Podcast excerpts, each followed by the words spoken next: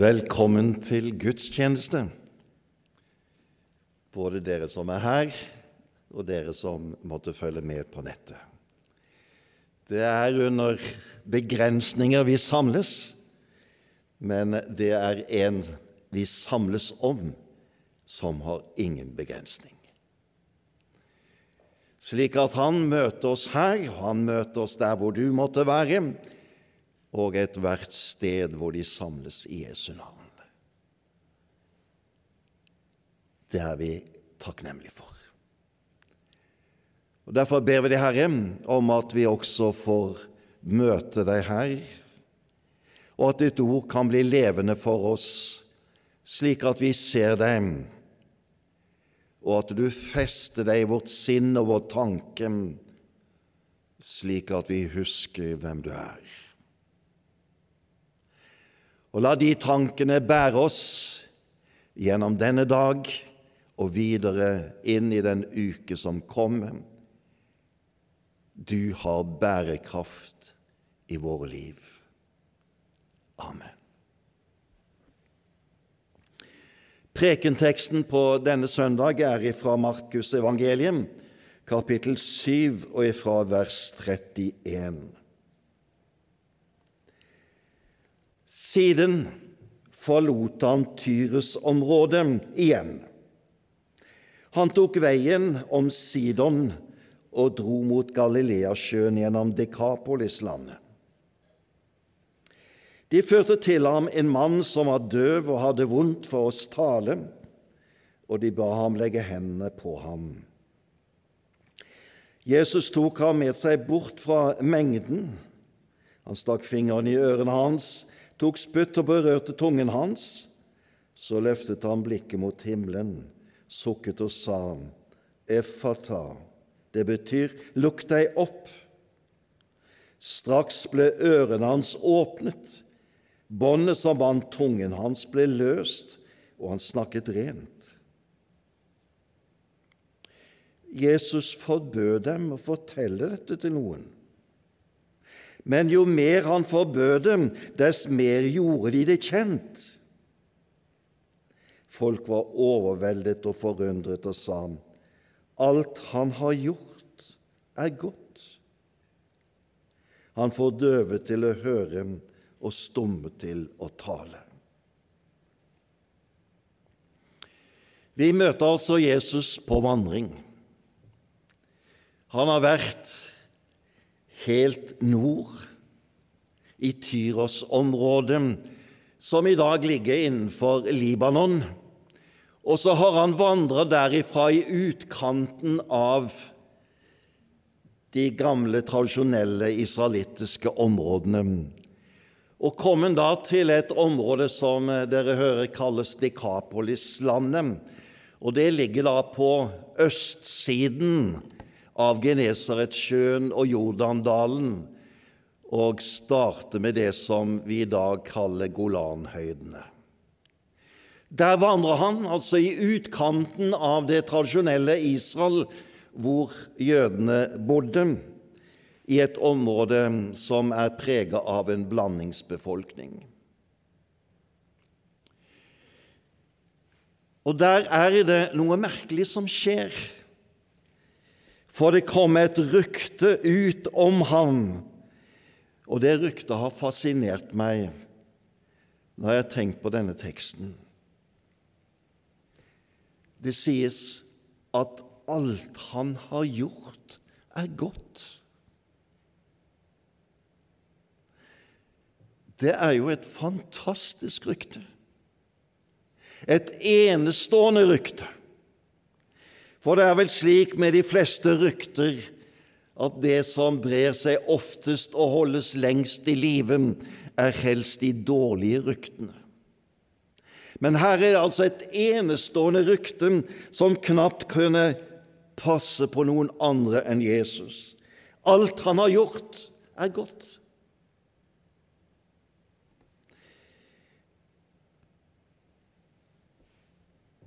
Og når menneskene da der sto overfor han og fortalte det videre til nye folk, så var det altså dette som sto i fokus. De summerer det opp i dette, denne positive bekjennelsen til ham. Og Flytter vi oss nå et lite øyeblikk fra datiden til vår egen situasjon, så kan vi jo spørre hvilket rykte går i dag? Hvor mange ville si det på denne måten alt han har gjort, er godt? Ja, det er nok noen som virkelig opplever Jesus på denne enestående måte. Og For en tid siden leste jeg et vitnesbyrd av en, og hun formulerte det slik Jeg ble nesten sjokkert da jeg opplevde at Jesus virkelig lever. Og det har andre visst hele tiden. Jeg har mest lyst til å rope det ut fra takene. Hvis folk bare hadde skjønt hvordan Jesus er, da ville de ha løpt til ham. Og når jeg hører et slikt vitnesbyrd, så merker jeg at det utfordrer meg selv. Hvordan lyder mitt vitnesbyrd? og hvordan inviterer det inn til Jesus. Og vi kan spørre hvorfor skjønner ikke folk hvem Jesus er?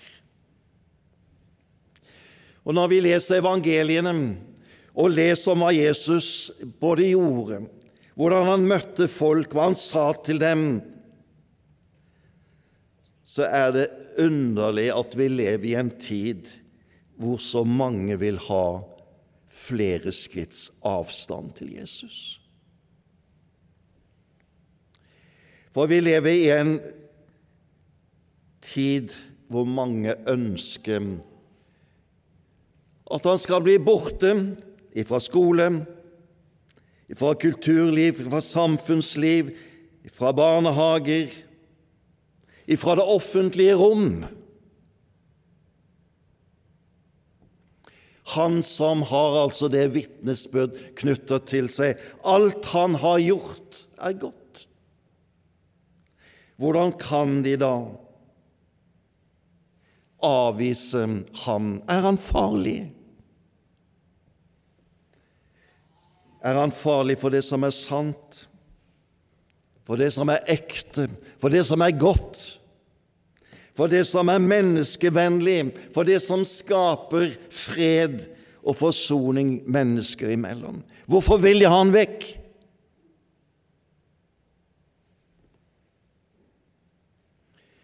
Men det er ikke bare i vår tid at det skjer. Gjennom alle tider så har en opplevd at Jesus er skjøvet bort. Ja, han ble i sin egen samtid til slutt skjøvet bort. Hans motstandere vant over ham, og til slutt ender det med hans død. Og Skulle vi nå spørre mennesker i dag hvorfor de ikke vil ha noe med Jesus å gjøre, så kan nok svarene bli ganske mange og forskjellige. Og vi må vel innrømme at noen ganger så blir det sagt noe om oss som kristne. De har møtt noen kristne på veien som har gjort at um, hele den kristne tro var egentlig ikke så attraktiv. Og går de og leser media og følger med i radio og fjernsyn og hva det måtte være, så er det jevnt over ikke dette vitnesbyrdet som lyder om Jesus. Alt han har gjort, er godt, men det er heller alt det problematiske som følger i hans kjølvann.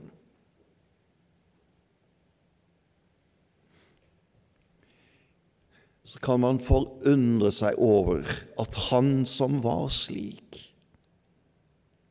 kan bli møtt med slike holdninger. Men det henger vel kanskje sammen med at et møte med Jesus har dyptgripende konsekvenser for den som møter ham. Det er noe som ruskes opp i ens eget liv i det øyeblikket en møter Jesus. I møte med Hans godhet er det på en måte som vi blir avslørt hvem vi er.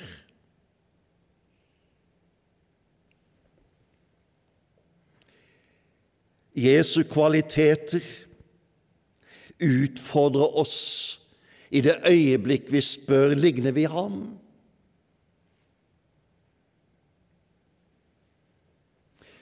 Og Så sitter vi, både vi og mange andre, med en erkjennelse av at det mangler så mangt.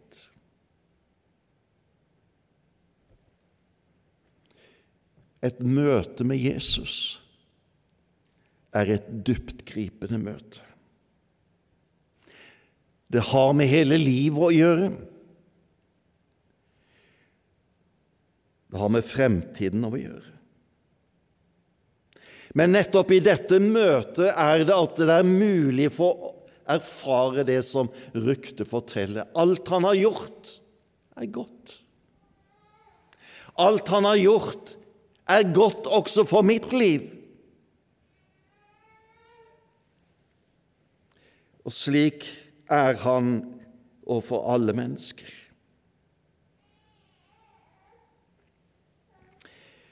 Vi ser i denne fortellingen at denne døvstumme mannen han fikk et møte med Jesus når det var andre som bar han til Jesus. I vers 32 de førte til ham en mann som var døv og hadde vondt for å tale, og de ba ham, legg hendene på ham.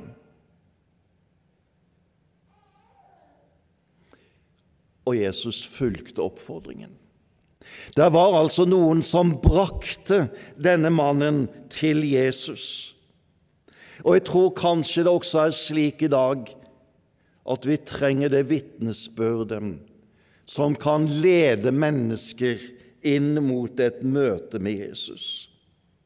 Vi trenger kanskje andre som tenker på oss, ber for oss, for å løfte oss frem til et møte med Jesus. Og i dette møtet er det altså at ryktene om ham har muligheten til å bli spredd som den gode nyhet.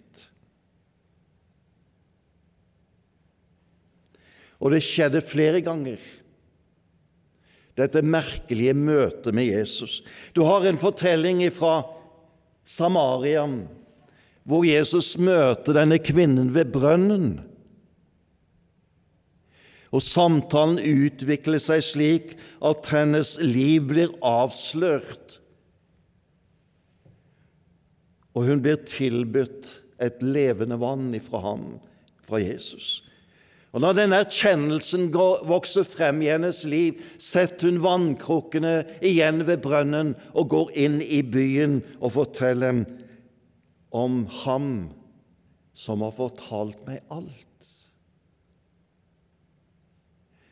Og det ryktet førte til at hele byen søkte ut for å møte Jesus. Og når de møtte han, var konklusjonen at nå er det ikke bare på grunn av det hun har sagt. Nå tror vi ikke lenger bare på grunn av det du sa. Vi har selv møtt ham, og vi vet at han virkelig er verdens frelser. Det er noen som løfter andre frem til Jesus, og i denne tjenesten er også vi plassert. Denne gudstjenesten er et sted hvor vi ønsker å løfte Jesus frem, slik at mennesker kunne møte ham og sitte igjen med den erfaring alt han har gjort i mitt liv, er godt.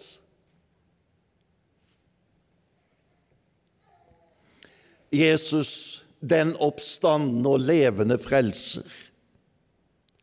Det er en forskjell mellom de som gikk der i Dekapolis-landet på Jesu tid og sto overfor ham og så ham med sine egne øyne og hørte med sine egne ører.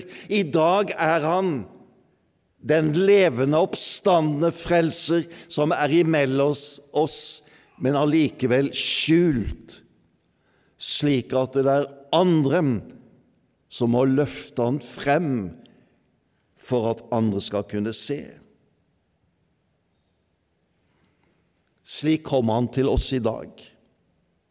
Gjennom det ord vi har lest, gjennom det vitnesbyrd og den sang som har vært her, gjennom denne talen, så ønsker vi å peke på Han som bærer dette ryktet.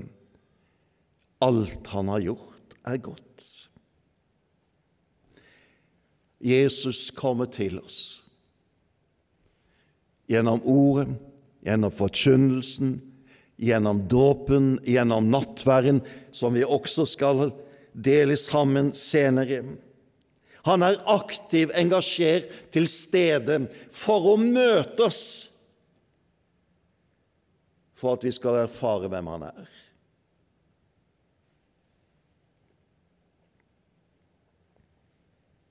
Vårt vitnesbyrd er derfor et viktig vitnesbyrd i den tid vi lever i.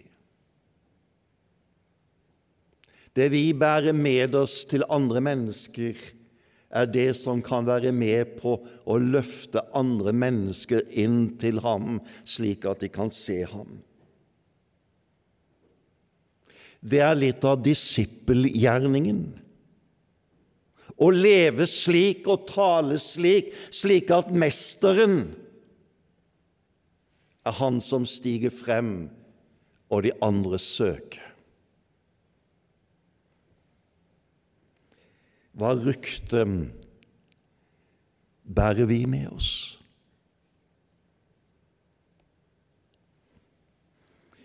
Hva er det som sitter igjen? Når mennesker møter oss, når mennesker kommer inn her, når mennesker blir en del av vår forsamling. Vi ønsker så gjerne at ryktet skulle gå om ham. Alt han har gjort, er godt. Tenk om jeg kunne få formidle han på denne måten. Men så legger vi merke til noe i denne teksten som kan synes litt underlig.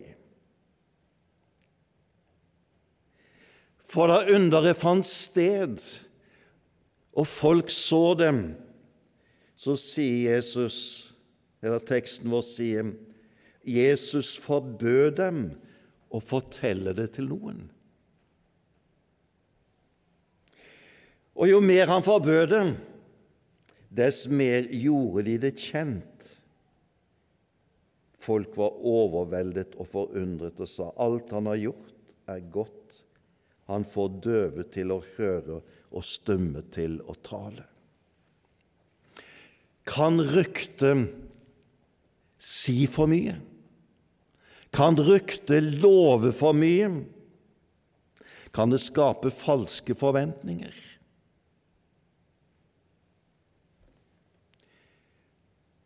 Det er en spenning i denne avslutningen på denne fortellingen.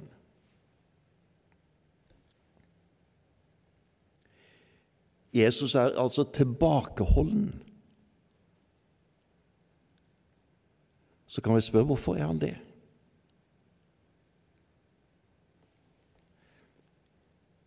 Jesus er aldri tilbakeholden noen gang når han forkynner om Guds rike. Når han taler om hva Guds rike innebærer, i direkte tale og i lignelser, i alle de situasjoner evangeliene fremmer for oss, er han aldri tilbakeholden og sier 'fortell ikke videre'. Jo, fortell det, og disiplene sendes ut med budskapet om 'fortell det'. Hvorfor er han tilbakeholden nå?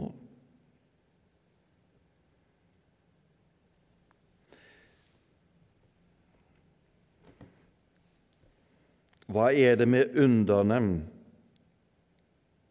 som gjør at Jesus sier dette han gjør? Hva har det å si inn mot vår situasjon og vår omtale av ham, av vår kristne tro?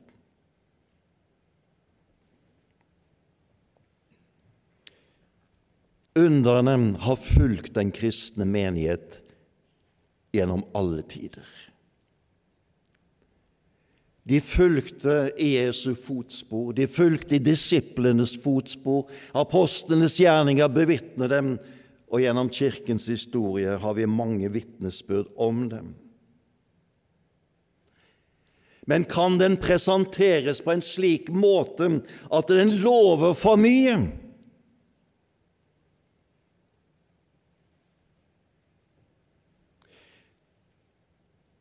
Når jeg ser tilbake på mitt liv,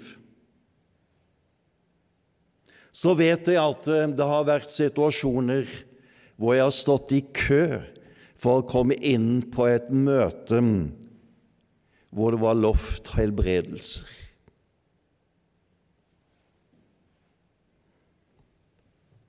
Jeg vet at kanskje også noen her, iallfall kjenner jeg flere også i dag som har opplevd det samme. Å stå i kø for å komme inn der hvor det ble annonsert helbredelser.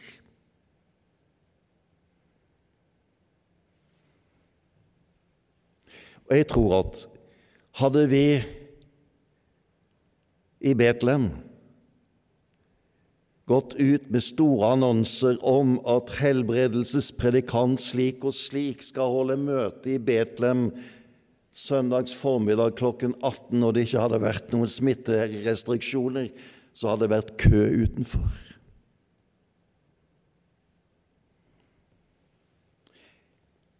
Kan vi love for mye?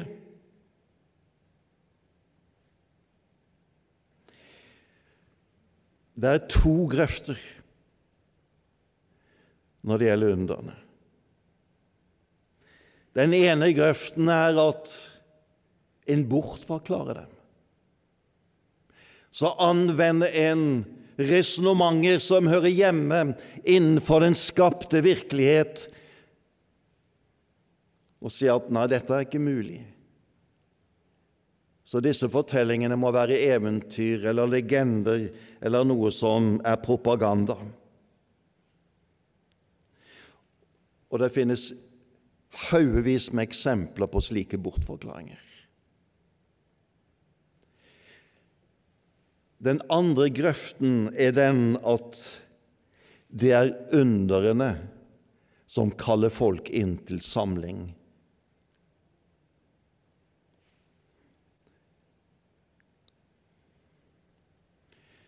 Jeg har møtt de som har falt i den grøften der. Som har slitt med sin sykdom og kjent sykdommens krefter i sitt liv, og som kom i den situasjonen at Gud skulle helbrede meg. Han skal helbrede meg. Vi har bedt om at han skal helbrede meg. Ikke snakk med meg om min sykdom, for vi har bedt om at Gud skal helbrede dem og enhver samtale om denne sykdom føder tvilen i mitt hjerte. Snakk ikke om det. Snakk som om jeg er frisk.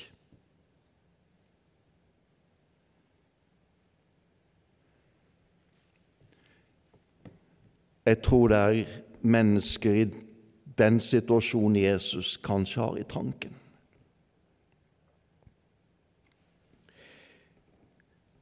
Der er en vei mellom disse to grøftene, som ikke fornekter underne, men som taler om den slik som Bibelen taler om den. Og Da skal du først legge merke til følgende. Underne er alltid omkransa av en forkynnelse som viser hvem Jesus er, og av Guds rike bærer med seg. Og det er denne forkynnelsen av Guds rikets nærvær som bærer budskapet om helbredelsen.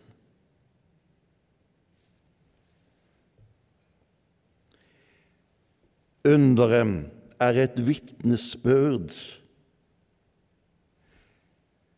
om at Guds rikets makt og herlighet også kan være til stede i denne verden som et tegn som peker bort fra seg selv til noe annet, nemlig til Han som er Guds rikets herre og frelser.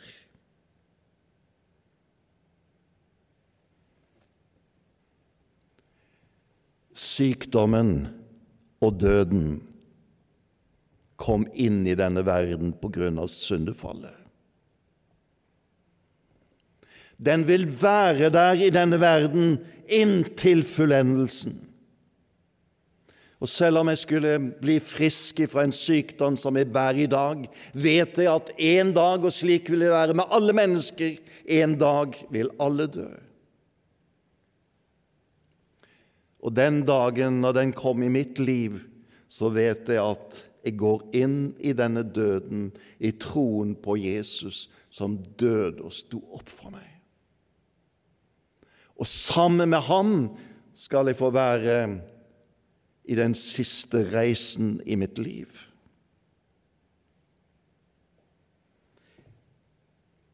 Underne vitner om et Guds rike som skal komme, hvor sykdom og død ikke er mer. Det vitner om at en dag kommer en dag da Gud rensker ut av skaperverket alt det som syndefallet førte med seg av sykdom, død og elendighet. Og denne dagen får alle del i som kommer til tro på Jesus som sin frelser og Herre. Og i det kan enhver få lov til å hvile selv om livet fører med seg smerte, sykdom og forgjengelighet. Det er det kristne håpet som blir levende fordi Jesus Kristus er den levende, oppstandende frelser og Herre. Å bli forent med Ham er å få del i denne godheten som strømmer ut allerede i denne tid, men som en dag skal bli fullkommen da Guds rike bryter inn i makt og herlighet. Det gjennombruddet kommer, men det kommer når Jesus kommer.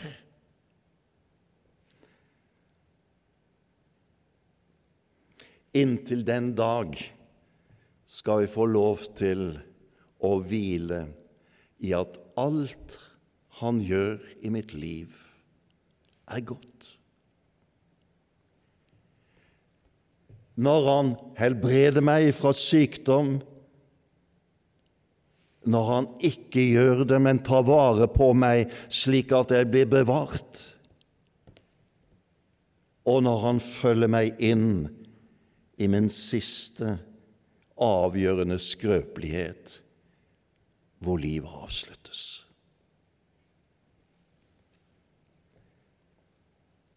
Ryktet om Jesus er sant. Alt han har gjort, er godt. Det trengs å fortelles også i dag slik at mennesket kan lære Jesus å kjenne som sin frelser og Herre. Amen.